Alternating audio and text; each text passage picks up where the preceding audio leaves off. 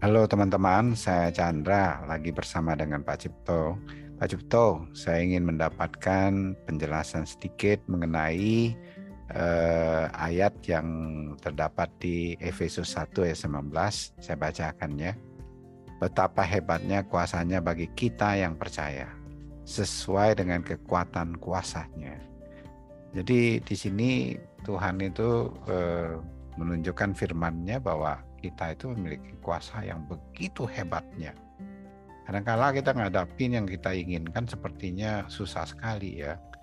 Udah itu atau masalah yang kita hadapi kadang-kadang seperti tidak berdaya begitu. Tapi kalau memiliki kuasa yang besar kan nggak jadi masalah itu ya. Gimana itu Pak Cipto? Iya Pak Secing. Ya, eh, anak saya itu Joel. Dia beberapa hari yang lalu dia berangkat melanjutkan studinya itu ke Australia.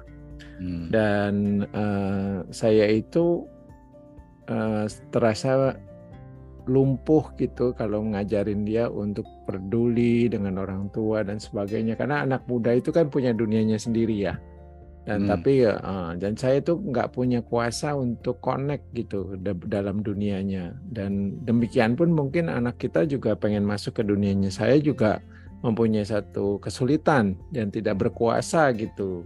Jadi ada semacam kayak uh, gap ya, ada hmm. satu generation gap gitu, suka miskomunikasi, suka salah baca gitu ya, suka hmm. baca salah, salah situasi. Nah salah satunya adalah saya ingin anak uh, anak saya itu peduli dong sama omanya, peduli hmm. sama orang tua gitu kan. Kita kan orang timur ya kan orang timur itu uh, sepertinya mempunyai satu uh, ekspektasi bahwa anak itu harus hormati orang tua dan bahkan di Alkitab ditulis di 10 peran di di beberapa ayat ya sering bahwa orang tua anak itu harus menghormati orang tua dan orang tua harus menyayangi anak-anak itu dan salah satunya adalah saya ingin jual itu peduli sama omanya tapi kok jarang ya ke kamar rumahnya gitu hmm. uh, uh, kayak kayak kurang peduli padahal nggak seperti itu uh, hmm. tapi jadi waktu dia mau pergi ya tanpa hmm. diajarin gitu karena saya percaya aja sesuai dengan ayat itu ketika hmm. kita uh, mempercayai dia bahwa kita tuh ingin mempunyai satu keluarga yang bahagia hmm. yang saling mendukung saling menopang saling membantu saling mengerti itu uh, kemudian dia masuk gitu ya uh, sebelum dia pergi ke airport itu dia bilang oma juga mau pergi katanya hmm. Uh, oma baik-baik ya gitu hmm. lalu dia nangis hmm. jual nangis dan apa satu ruangan itu ya ada ada suster ada pembantu ada saya ada ada beberapa orang di situ uh, merasakan kasihnya Tuhan gitu.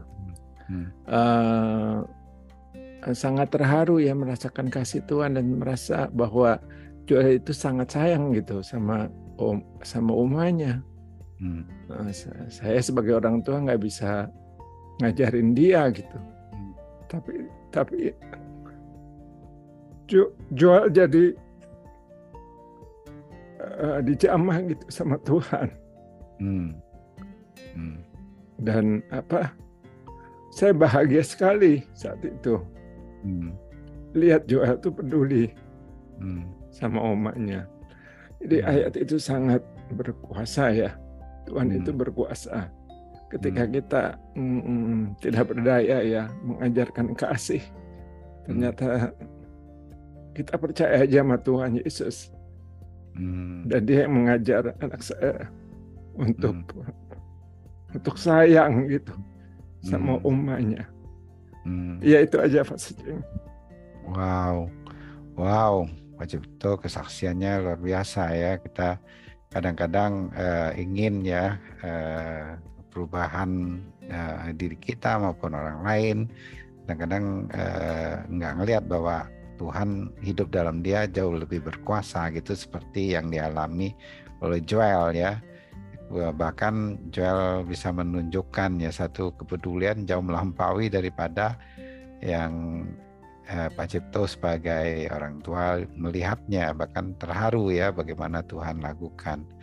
Wah terima kasih sekali ya, ya Pak Cipto untuk eh, kesaksiannya dari firman ini mengingatkan bahwa kita eh, punya kuasa yang eh, sangat besar eh, dinamakan kuasa kebangkitan ya hidup di dalam hidup kita ini sehingga eh, percaya saja itu jauh melampaui daripada yang eh, kita inginkan atau masalah yang sedang kita hadapi. Begitu ya Pak Cipto. Amin Pastor Cing, puji Tuhan. Oke, terima kasih Pak Cipto untuk kesaksiannya, untuk penjelasannya. Sampai ketemu lagi dalam pertemuan berikutnya. Tuhan memberkati.